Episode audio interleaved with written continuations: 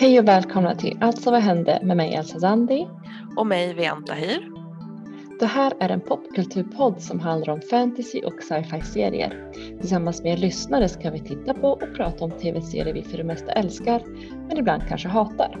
Vi pratar om det som händer i tv-serievärlden, men framförallt serierna vi tittar på och analyserar dem ur ett normkritiskt perspektiv.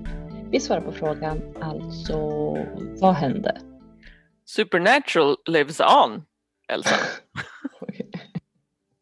Det är, det är det som händer. Nej, men Jensen Ackles, alltså han som spelar Dean, och eh, Danielle Ackles, hans fru, de jobbar på en prequel som ska heta The Winchesters och handla om Sam och Deans föräldrar då, Mary och John. Mm, alltså, jag älskar ju, jag älskar ju att Supernatural lives on. Eh, men alltså jag vet inte fan om jag är intresserad av deras föräldrar, eller? Alltså nej. Nej, jag är inte särskilt intresserad av föräldrarna faktiskt. Och eh, så här, vi har ju fått se några avsnitt från när de var unga, typ när Sam och Dean har råkat hamna i någon tidsresa eller whatever. Och jag tycker liksom att det räcker för mig i in terms of att få veta mer om så här, Winchesters story eller så. Men ja, det är inte Sam och Dean helt enkelt. Och det är de som gör serien så att nej, inte så pepp. Nej men precis, det är ju faktiskt Sam och Dean och deras relation och den, den, den kemi de har som gör serien, så jag vet inte. Nej, och, men, men vi kan ju hoppas i alla fall att det är en kvinna som överlever till slutet av serien den här gången. Just one, the one time. ja, fast nej. Det sista som händer med Mary och John för den delen, deras föräldrar alltså, är ju att Mary, att Mary dör du vet när Sam bara är sex månader. Det är så hela Supernatural börjar överhuvudtaget. Så nej, hon kommer, hon kommer dö. oh, yet again så dör en kvinna i huvudrollen och Supernatural för, eh, fortsätter då på sin fantastiskt långa streak på typ 15 år med Zero Women Alive. Bra jobbat! Det är så jäkla hårt. Så jag menar, alltså det här är ju inte lockande tv, i alla fall inte för min del.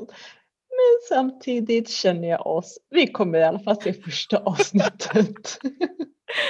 eh, ja, det kommer vi göra.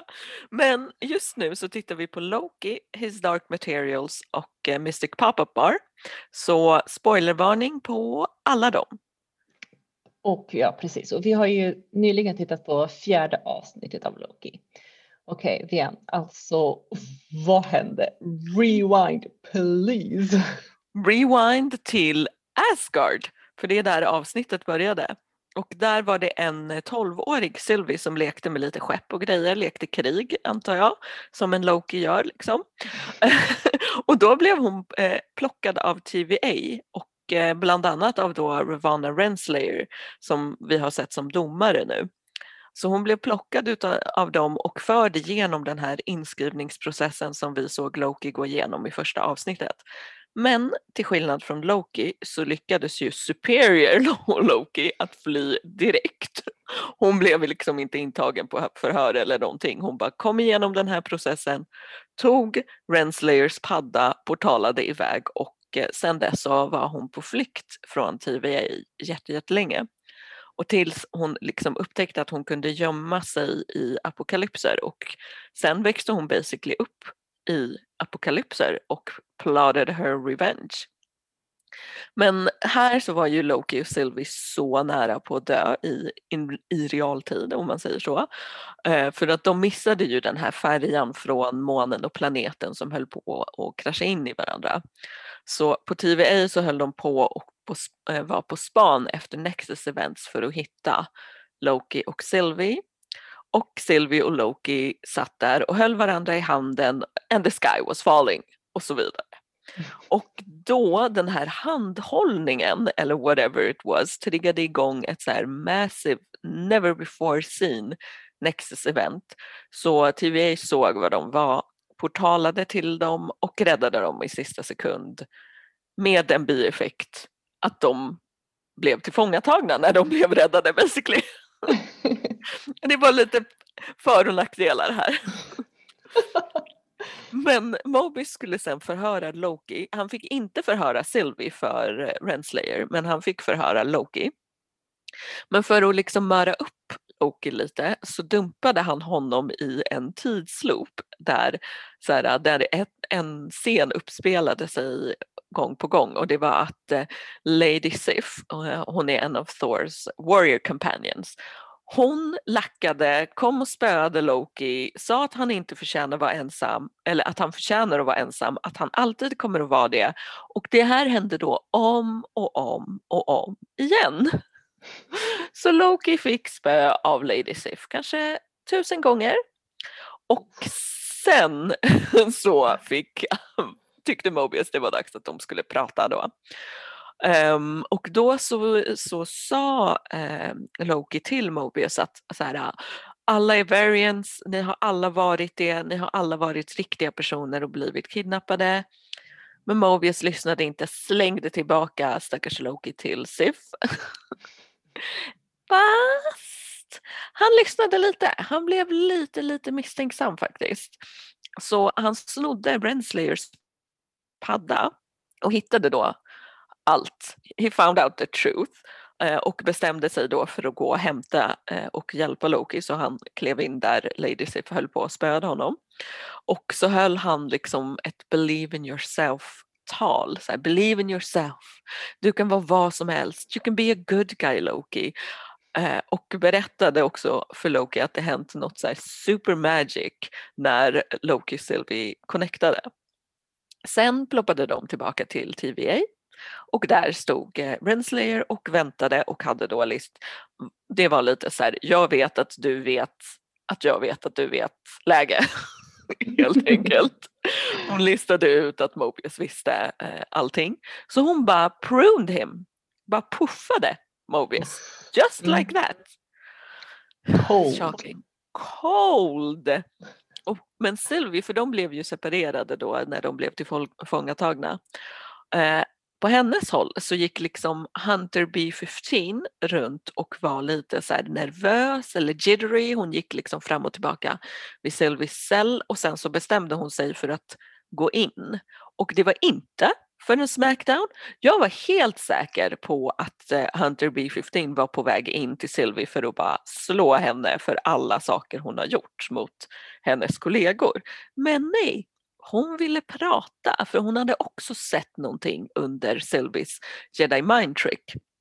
Så Sylvie bekräftade genom att ge henne ett nytt Jedi Mind Trick kan man säga att hon hade varit en riktig människa, liksom en vanlig person och visade då Hunter B-15s liv och sådär.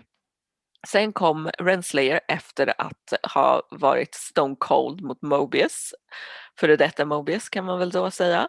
Eh, hon kom och plockade upp Sylvie och tog henne och Loki till, till de här ödlorna utan någon diskussion eller någonting. At last, de, hon hon bara Let's just go talk, about, talk to the, these lizards.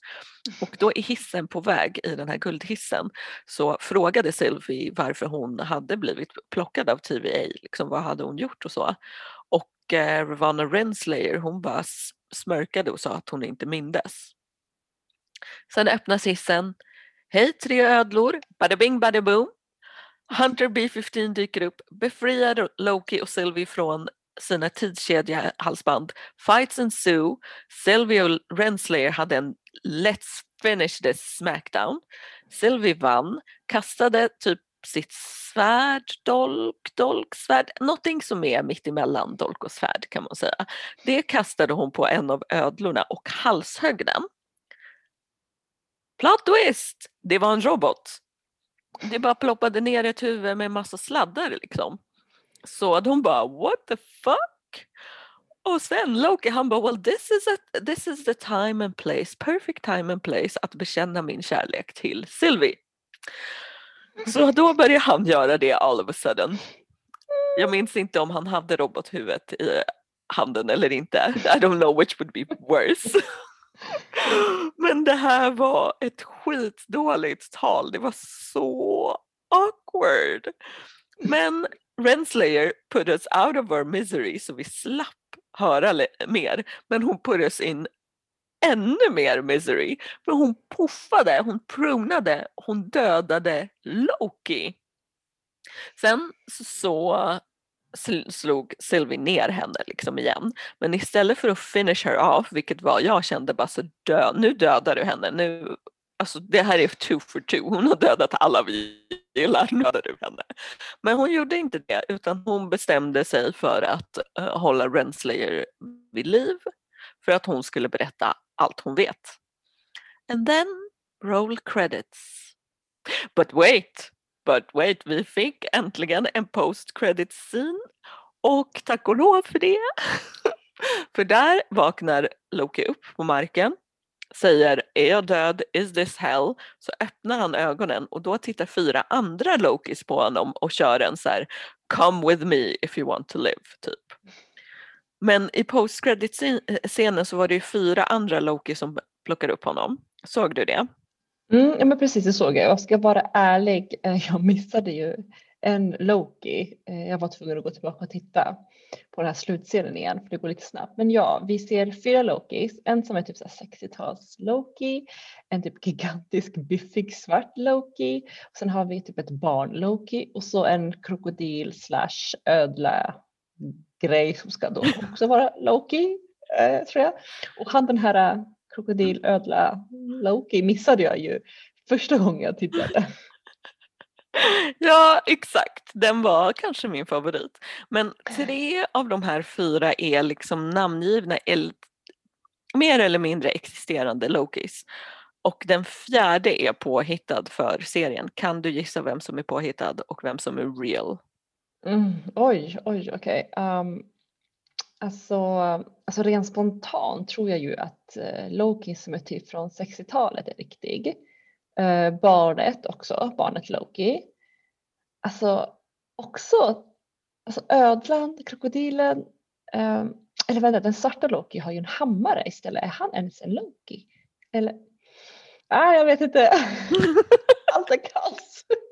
Okej okay, men du vet, jag gissar på ödlan, eh, krokodilet, djuret, inte en riktig Loki. Det är helt rätt gissat, helt rätt där. First off, alltså du gissar väldigt bra i ordningen tycker jag också. Loki för, från 60s är for real. Det här är liksom originalkostymen och allt. Eh, så det här är OG Loki look. Barnet är Kid Loki som också finns i serierna eller i comicsen. Och det, det, den storyn är så här klassiken. Loki dör fast han dör inte en av de här tusen gångerna som han inte dör. Och så återvänder han som ett barn den här gången då. Mm. Och sen har vi Boastful Loki, eh, den stora biffiga Loki. Han finns inte i själva comicsen, eller han är liksom mer ett hopklipp av olika Lokis från comicsen. Men det är också lite så här äh, mytologivibbar om man kollar på hans look och päls och sådär. Hammaren också, väldigt spännande. Är det Mjölnir? Är det ett universum där han är värdig hammaren? Har han gjort en egen hammare? Har alla hammare där? Who knows? Men alligatorn Gator Loki som vi hittar på nu att han heter. Ingen vet. Alltså vi vet lite om de andra mer eller mindre men Gator Loki är, är, verkar bara vara lite kul, så här, random grej. Jag vågar inte säga det helt hundra dock, han kanske har en jättestor roll men förmodligen inte. Jag tror mest det är på kul. det viktigaste dock i alla de här Lokisarna det är ju att vår Loki som vi trodde var död ett tag lever. Så whew. Alltså jag var, alltså, jag var, jag var lite svettig där ett tag. Jag trodde faktiskt att de dödade honom. Och du vet jag bara åh nej. De har alltså det var, oh. Ja det var hemskt där. Eh, det, det var, det var svettigt. Eh, men alltså frågan är alltså, var hamnade han? hur gick det till? Varför är han inte död? Alltså, jag tänker antingen att han inte dog liksom. Det är antingen ett så här allmänt Loki trickery som de andra Lokisarna gör när de bara ah, låt oss rädda Loki 75. Uh, eh, så att det är ett så här Loki trickery mitt i allting. Eller så är det att Loki är liksom en fast punkt i universum som bara inte kan försvinna. Du vet som när de upptäckte att så här, det finns katastrofiska punkter som inte kan ändras när Mm. Loki och Mobius eh, testade runt här och eh, kastade runt grejer, släppte fria jätter och inte lyckades ändra någonting. Liksom. Mm. Eh, så då Eh, det kanske är på samma sätt som att säga, katastrofiska punkter kan inte ändras. Katastrofiska nord nordiska gudar kan inte försvinna. Så att det liksom blir någon slags glitch när man försöker puffa en Loki och då hamnar de wherever they went. Mhm, Han har alltså hamnat i en the land of Lokis. Eh, Okej, okej. Ja, jag köper det. Men tänk om, liksom, tänk om, och tänk om det här är typ ett fängelse speciellt för Lokis. Alltså liksom, Mm. för det såg ju väldigt domedagigt ut. Jag menar, TVA skickar kanske alla Lokis, de fångas till det här stället som de är fast på. Typ så här Hunger Games, typ så för jag tänker på vad Mobius sa, för Mobius har ju sagt det tidigare att det alltid är något problem med Loki variants. Och det är kanske så här de löser det. Alltså det var ju någon slags katastrofisk apokalyptisk plats och jag är pretty sure att det är New York. Alltså jag är pretty Mhm. sure att jag såg Avengers Tower där. Eh, Men så jag tror inte att det är ett fängelse. Jag tror liksom inte att det är TVA som ligger bakom det alls utan jag tror att det är Loki Variants eh, som är inblandade här. Och det är därför tänker jag att de alltid säger att, eller de säger att Loki Variants alltid ställer till med problem. Of course, de bara snor alla andra variants. Eh, men sen fick jag också lite så här Avengers vibes, klassiska Avengers vibes av du vet så här slutet på Avengers-filmen när Loki ligger ner och hela Avengers står och tittar ner på honom och han bara is it too late to have that drink now? Det kändes lite samma grej fast nu var det Lokis som stod och tittade ner på honom. Ja just det, nu när du säger det, absolut. Eh, men men, men ja, kul tanke där med New York och, och så- ja men kul tanke. Men, men alltså du tänker ju på Mobius igen då. Han blev ju också puffad, eh, pruned. Eh, frågan är om han är död eller har han också hamnat någon annanstans? Fast jag ska vara ärlig, jag blev jättechockad när Mobius eh, blev dödad. Eh, trodde absolut inte att han skulle dö utan att, att, att, eh, att han skulle vara med i kampen, du vet. Mm, så att jag nu hoppas vi verkligen att han inte är död på riktigt. Eh, och sen Lokis reaktion, du vet, de har precis bondat, de har precis hittat någon sån här, vi är vänner. Och hans reaktion var fan äkta, han blev ledsen. Jag tyckte det var så fint. Jag bara, oh, nej han lider. Men jag hade önskat att deras relation hade utvecklats mer, liksom, för den precis hade tagit fart eller man säger så. Ja, alltså min teori om liksom det här med New York och så, om, om den stämmer så är det ju en väldigt Loki-specifik grej och då är ju Mobius tyvärr död. Men jag blev också så chockad, alltså jag skrek rakt ut typ så här, vad gör hon? vad håller hon på med? Till Kitsu, min hund alltså, Kitsu i soffan. Jag bara, vad är det här? Alltså så jag var så upprörd. Och inte nog med att han blev pruned så var det ju också hans vän, alltså domaren Ravana Mm. Renslayer. De brukar så här hänga och dricka, eh, ha after work drinks liksom. Och nu hon bara zip borta. Så, so cold. Hon har ju Ja. varit lite suspekt but I did not believe this. Nej, nej, inte, inte, inte så här, nej. Liksom, alltså, jag är liksom inte jättechockad över att hon är bad eller att hon har sina egna planer eller man ska säga. Samtidigt, alltså, samtidigt tycker jag att hon är en bra bad guy, eller man ska säga, intressant, speciellt nu när vi fick lite bakgrund om henne, du vet att det var faktiskt hon som tog in Sylvie och sådär. Så att, ja, jag, var, jag blev chockad, ja, jag blev chockad, jag trodde, jag trodde, jag trodde inte hon skulle, alltså all the way, men Ja. ändå lite suspekt, ja. Ja, nej men skådisen har ju gjort ett bra jobb här. Man gillade ju liksom henne i början och deras så här, uh, after works, hennes och Mobius och så här, att de, var, Mm. de hade lite witty banter och så. Mm. Men, men med Loki och Mobius eh, relation och att han blev så chockad eller tagen när han dog. Jag tyckte liksom att deras relation gick lite väl snabbt.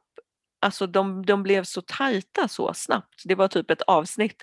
Sen rymde Loki. How, how did they get there? Så. Ja, men jag håller med. Men, men, men är de inte typ tvungna till det? För säsongen har ju bara sex avsnitt så de har typ inget val. Typ, nu ska jag bli kompisar. Bam, kompis.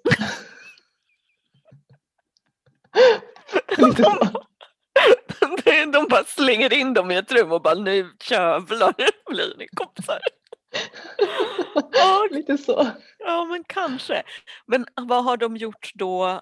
För alltså, vad har de gjort då? För det är en annan relation som har gått snabbt. Och det är ju Loki och Sylvie. What happened there? Alltså inte bara att de blev tajta fett snabbt, är de typ kära nu också? Alltså, nej, Nej, nej, nej, nej, nej, nej, nej, nej, absolut inte. Alltså, jag vet inte vad det är, men det känns fan lite som incest. Jag vet mm. inte, men jag, jag, alltså, jag är emot det. det Okej, okay, det är inte incest, men det är samma känsla av tabugrej, du vet. Alltså, alltså, jag tänker så här, när vi äntligen får se Loki vara kär eller ha något kärleksintresse så måste det vara med sig själv.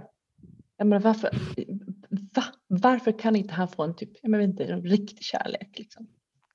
Ja, alltså grejen är ju att det här är textbook narcissist. Alltså det här är bokstavligt talat narcissist. Det är liksom, för du vet hela när, när Narcissus ser sin egen spegelbild i vattnet, han blir kär i den, sitter och stirrar på sig själv i, vid den här vatten, vattendraget tills han ruttnar och blir en blomma liksom. Jag vet inte, I don't know about the flower part, jag vet inte vad som kommer att hända där om det blir så. Men Loki har straight up alltså blivit kär i sig själv. Mhm. Jag håller verkligen med Moby som han sa där att så här, because that shit was fucked up. Och grejen är vi misstänkte ju det när vi såg förra avsnittet. Men Mm. så här, vi ville inte prata om det. vi bara misstänkte det, viskade till varandra, sa inte mer om det och bara hoppades förgäves att det skulle bara vara en så här, platonisk relation. Jag tänkte liksom att det skulle vara en tyst, typ syskonrelation. Men nu så är det Luke och Leia-läge. Ja, det är, faktiskt, det är faktiskt sant. Men, alltså det, men det intressanta i deras relation är ju när de kommer ihop så där så händer det ju någonting. För Moby sa ju eh, förut att förutom att det är helt fucked up. eh, I'll give you that Mobius. Men så sa han ju att när de kommer ihop så händer ju någonting stort, något så stort. Något så som kan typ bring this whole place down och det är ju intressant. Eh, ja, det tycker jag är så. Ja, mm. ja, så hans kärlek till sig själv är så, så stort att han kan förstöra allt. Alltså, så, så hemskt. Jo, du Alltså, kommer inte komma över det här på länge. är det. Alltså, det. Nej. Jag, fattar, jag fattar ingenting. Ja. Nej, men rent universellt eller liksom rent in the place of time and beings eller vad man ska säga så Mm. ska ju inte den här relationen finnas. Den är liksom ska ju vara omöjlig för de, ska, de två ska inte finnas i samma tidslinje överhuvudtaget.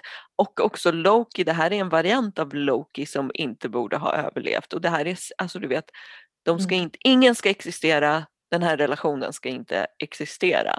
Så det, jag tänker att så här, det kanske är någonting i den stilen som att det, det blir liksom alltid problem med tidsresor och hela så här. Man får inte, absolut inte möta sig själv, man får absolut inte påverka sin egen historia och så vidare och så vidare. Så det kanske är något sånt, alltså någonting i stil med så här farfarsparadoxen i tidsresor som gör att det här Nexus event kaosar liksom. Men farfarsparadoxen, kan du berätta? Jo, det är, håll i dig, det, det här kommer bli jobbigt. Så här, du bygger en tidsmaskin, du åker tillbaka i tiden, du dödar din farfar, men då har ju du förhindrat din egen födelse. Och då har du ju aldrig byggt tidsmaskinen och då har du aldrig åkt tillbaka eller dödat din egen farfar och så vidare och så vidare och så vidare. Tur har slagit till knut på sig själv. Tack för förklaringen. Hence the paradox. Men jag tänker att så här, att det här kanske är någonting fast Loki-paradoxen, att det, är det, det finns någon slags paradox i det här som gör att de får inte bli kära för då går världen under. Loki-paradoxen liksom. Who knows vid det här laget, alltså det är så mystiskt. Och eh, men apropå mystiskt så tänker jag på så här, på den plot twisten som hände, alltså den var riktigt snygg. Jag var inte beredd på eh, att ödlorna skulle vara robotar. För vi har ju pratat om att det är något med det TVA och att det är någonting, någonting skumt med dem. Men att de bara är en fasad för något mer ont eh, hade jag inte förväntat mig faktiskt. Ja, jag tyckte liksom att det var något skumt med ödlorna, alltså det här med Loki och att så här, jag bara, de kanske inte finns liksom. Mm. Uh, eller så, för Loki sa ju själv sådana grejer, så här, have you even met these lizards och, och bla bla bla bla bla. Men jag trodde inte att de skulle vara robotar. Jag tycker det var skönt att de var robotar dock, för de var fett fula. Eller hur? så jag bara, det är skönt att, att det faktiskt inte var så här dåliga specialeffekter på riktigt. Men, men I was not prepared när de kom in i rummet och det fanns ödlor att de skulle vara robotar. Så nu är ju frågan what is up? Jag blev mm. då så här när, när det blev, för nu, nu fattar man sig, it's a conspiracy, någon annan ligger bakom allt det här, what is going on? Och då tänkte jag först i banan att det skulle vara någon så här skitstor supermäktig alien race som har skapat det här, alltså någon evil alien race typ Cree från Captain Marvel. Eller att det skulle vara någon så här skitstor skurkorganisation typ Hydra the Time Travel Edition eller whatever. Men jag trodde att det skulle vara någon du vet, det är en stor konspiration. Det måste vara något stort som ligger bakom det. Men sen så tänkte jag på WandaVision och hela den här It's been Agatha all along. Tänk om det här bara är en person. För liksom hur stort, hur, vad vet vi om TVA? Hur stort är det egentligen? Allting kanske bara är fasader. Mm, jag, jag, håller med. Jag trodde också att jag trodde också någonting stort, men nu när du säger det, ja, Agatha. Men nu är frågan, vilken Agatha? Vad för Agatha? Vem? Vem? men, men apropå vem så undrar jag, vem är Sylvie egentligen? För hon blev ju kidnappad som barn, eller hon togs av TVA eh, som barn för att hon skapade en eh, Nexus event som gjorde att hon blev tillfångatagen.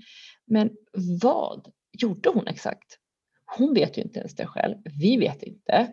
Kan det inte vara så att den här grejen som hon startade, det här Nexus eventet var så stor och så fel att den här personen Eh, this Agatha eller guden eller varelsen eller whatever blev så lack eller rädd att de tog henne.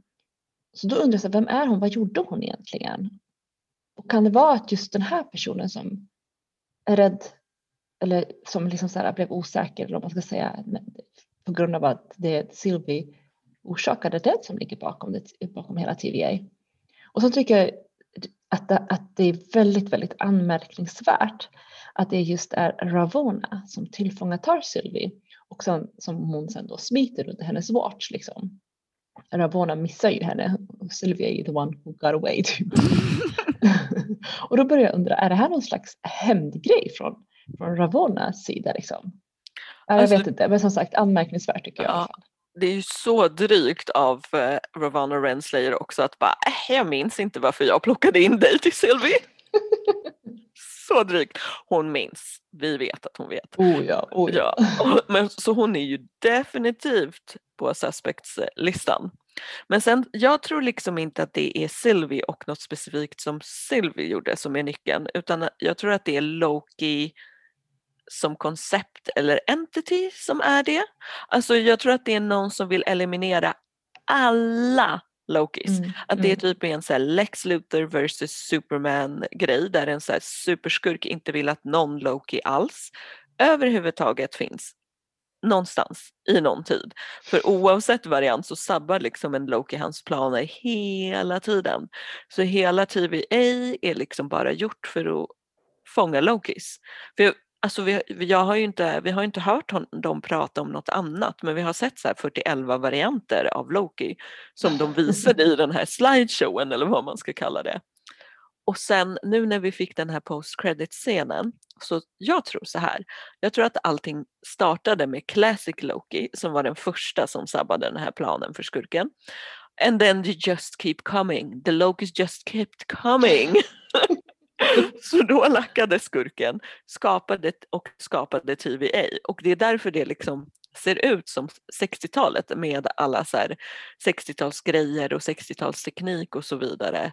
Eh, och de här 60-talsaktiga tecknade minute eh, moment-serierna och så. Mm. Eh, att det matchar liksom 60s Loki så jag tror att, ah. att den här ah. vill att alla Lokis ska dö. Han är patient zero. Ja, ja exakt. Bra, bra eh, så definierat. 60s classic Loki är patient zero. TVA vill bli av med uh, the, the Loki plague. Ja, jag håller med. Det här, det här var jättebra, så hands down, jättebra teori. Alltså, ja, mm. det, alltså jag håller med, det är absolut alla Loki som är nyckeln. Men, alltså, men fortfarande, jag är nyfiken, vad gjorde just Sylvie?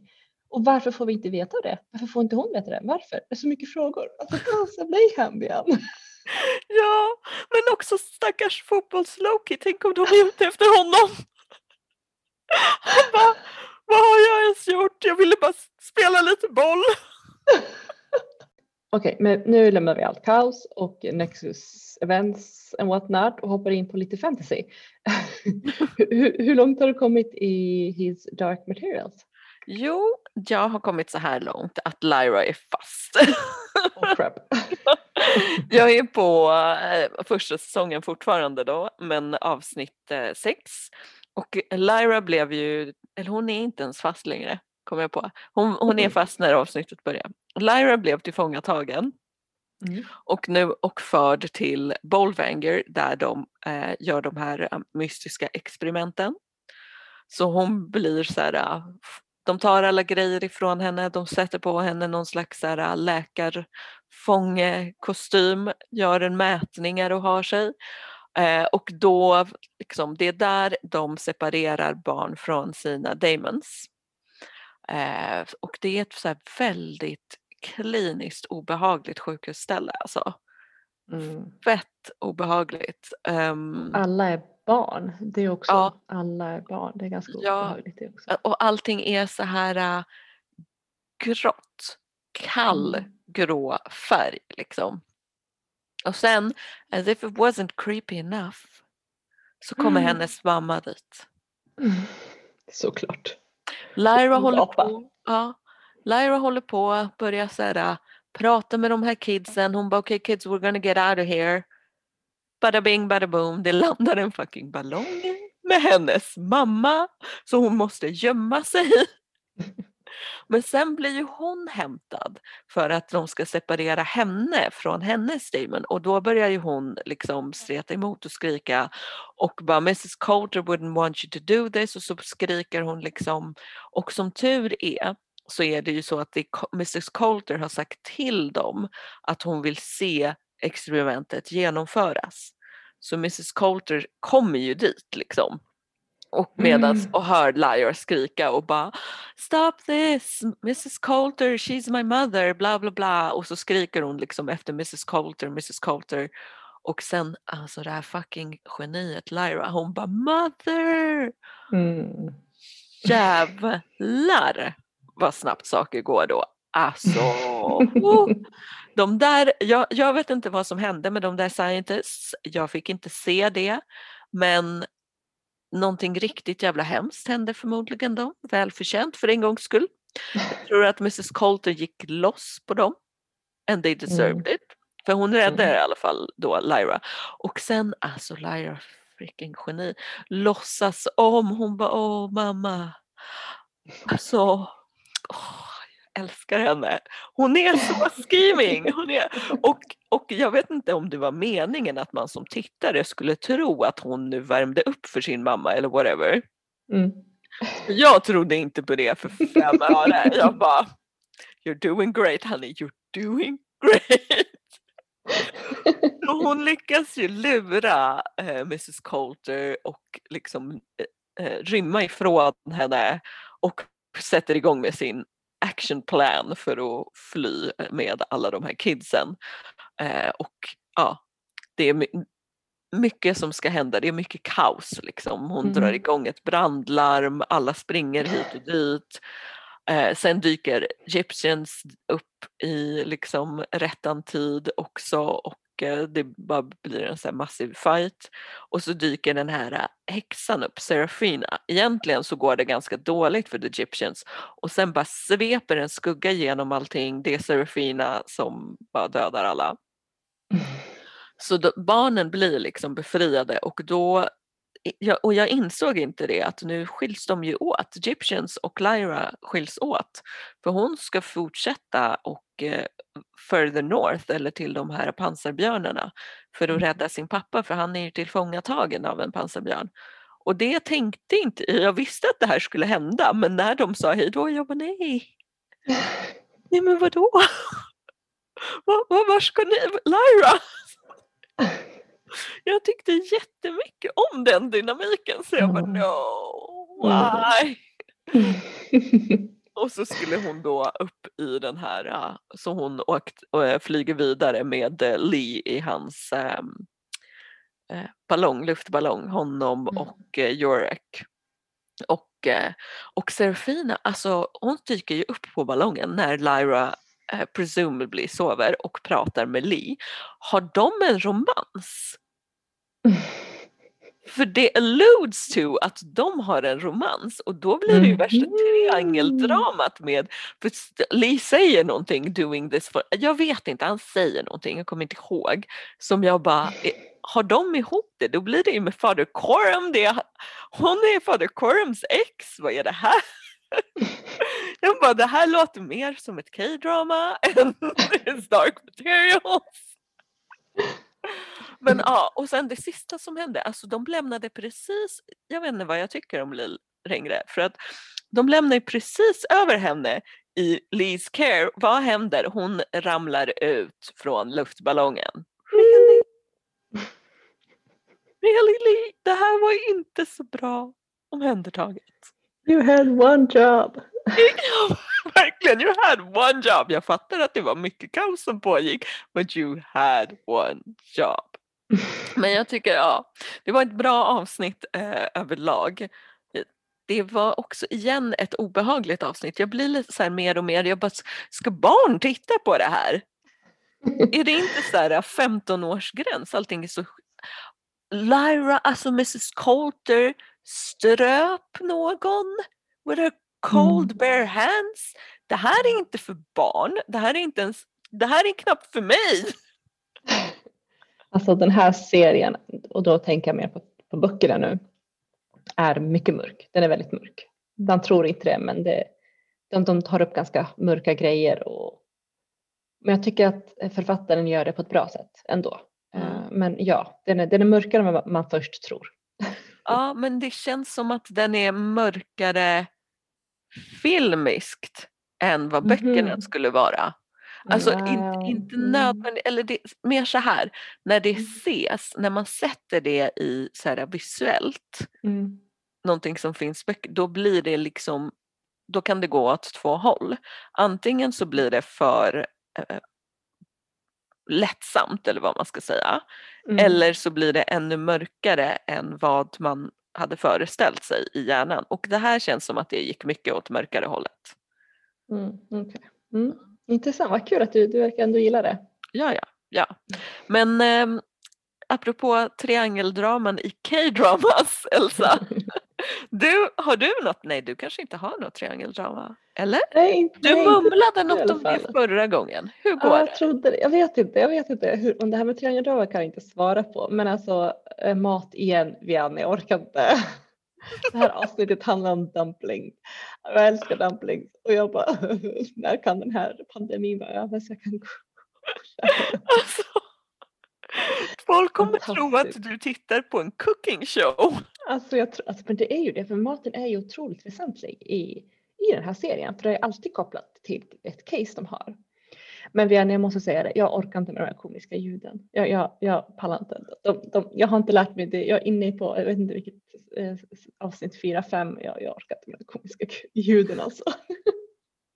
Det är typ min favoritgrej. Alltså, för det här är eh, generellt, det är liksom inte, det är generellt för K-dramas men det är också så här i entertainment shows, i så här, Mm. Side note BTS har en egen, så här, sin egen show typ som de Mm. gör själva. Det finns där med. Det, fin- alltså, så här, det här är the sounds are a thing. De är liksom, och det kanske är därför jag är så pass van vid dem nu för det, så det är nästan en så här, naturlig grej. Liksom. Men Mm. du är inte det. Jag ska, Nej, jag är se, inte det. jag ska se om vi kan hitta något så här videoklipp eller något som vi kan lägga upp på Insta så att folk fattar vad det är för ljud. För nu låter det som att det skulle vara så här trumpetljud eller någonting. Eh, men i alla fall så måste jag säga att hittills är det här det bästa avsnittet jag har sett faktiskt. Mhm. Ja, eh, i, det här, de, I det här caset så var det ett väldigt, väldigt, det var ett väldigt fint och bra case som de hade i det här. Det var en massa äventyr och lite spöken här också. Vi fick följa med ett gift par och jag tycker att det som de gjorde så himla bra i det här avsnittet som jag tycker ja, anledningen till och det är hur de behandlar sorg och hur den kan se ut. Eh, och det tycker jag de gjorde genialiskt. Det var väldigt, väldigt bra skrivet på det sättet. Så därför, alltså det var det var bästa avsnittet hittills, hands down. Um, sen så, så tänkte, eh, oh ja absolut, jag fulgråter jämt. Det är bara, det är bara att acceptera det liksom. Eh, Jag det bara, Fullgrät där med. ja det är så. Alltså varje avsnitt, det, det fanns har inte funnits ett avsnitt jag inte har fullgråtit. Alltså, så det är bara, it's a thing now. Men, men jag tyckte det var så fint hur de behandlade sorg. Just att de gjorde det på olika perspektiv också. Det var sorg från någon som har gått bort och det är sorg från någon som är kvar. Det är sorg från liksom nära och kära. Det, det är så mycket sorg och de behandlade så bra. Och alla sorger, alla slags sorger fick ta plats. Och sen kommer jag att tänka på att jag inte berättat det här. För, för det är ju två story, storylines parallellt och nu börjar den här andra storylinen. För det ena är ju i nutid. Det är ett, mer eller mindre ett nytt case i varje avsnitt där de ska försöka hjälpa eh, en person att liksom lätta på sitt hjärta så att, hon, så, så att våran eh, Wulju ska få, eh, ja, så att hon ska få bocka av en person. Liksom. Samtidigt så är det ju en parallell där vi får följa Wuljus bakgrund. Vi får se hur, hur allting, alltså vad som ledde till att hon är där hon är i Mystic Pop-Up Bar och ska försöka rädda eh, 100 000 själar. Så det, det tycker jag är ganska intressant, liksom, att man går tillbaka 500, för hon är ju över 500 år. Så Mm. hoppa tillbaka 500 år i tiden och se Ja. när hon är ung. Liksom. Ja, för då hamnar man ju i Joseon-eran för 500 år sedan då, att så, när Korea liksom var ett kejsardöme med hela så här, kon- konfuciansk lära, kejsare, kronprinser. Så Mm. den biten är liksom som ett kostymdrama, så du får two for one. Mm. Eh, så. ja, det är fantastiskt, det, det, det är jättefint gjort. Eh, men nu börjar ju liksom man få veta lite mer om Wulju bakgrunden, den här prinsen som, som hon då, som vi fick reda på i första avsnittet, som hon försökte rädda, som då blev kär i henne, men då den kärleken kostade henne väldigt mycket. Så nu, nu är det så att nu börjar, förut har det varit lite glimtar från Woldrews bakgrund och så har casen tagit ganska mycket plats. Men nu ser man att nu börjar liksom den andra Nu börjar det bli liksom två stora stories här bredvid varandra. Men ja, det här, jag vet inte hur de ska toppa det, men det här var det bästa avsnittet hittills, hands down. Så ja, I'm on. Nu, nu bara kör jag. Jag och mitt fulgråt, är bara Vi bara kör. kör. Oh, it's gonna keep on coming. Men eh, har eh, Kang Bei kysst juryn än? Nej, inte än. Jag väntar på det. Men han har äntligen fall bjudit ut henne till en pardansgrejs i alla fall. Så det börjar bli Ja. lite grejer där. Mm. Frågan är om han, om han kommer kyssa henne ens. Mm, ja, ja, det vet man inte. Jag vet inte. Haven't Mm. Det här är, det här är, det här är två rikt, väldigt riktade frågor. När vi kommer dit så kommer du förstå exakt vad jag menar. Vad intressant. Ja, men de börjar i alla fall komma närmare varandra. Eh, Mm. Så, så, så ja, mm, vi får se. Mhm. ja, väldigt intressant. Jag längtar, jag Ja, längtar mm. tills den. Apropå komiska ljud. Åh gud. Vad mer kommer Elsa få veta om Walljus historia i Mystic Pop-Up Bar? Är Vian fortfarande sur på Lee Scoresby i His Dark Materials? You had one job Lee. One job. Och hoppas det inte blir någon mumumu lululu i Loki. For the love of God. Hur känner ni inför Lokis loving himself? Eh, too much eller not enough? Hör av er på Instagram, Facebook och Twitter där vi självklart heter att Alltså vad hände? Du har lyssnat på Alltså vad hände med mig Elsa Sandi och mig Vianta Hiv. Vi hörs på fredag när vi pratar vidare om Loki, His Dark Materials och Mystic Pop-Up Bar.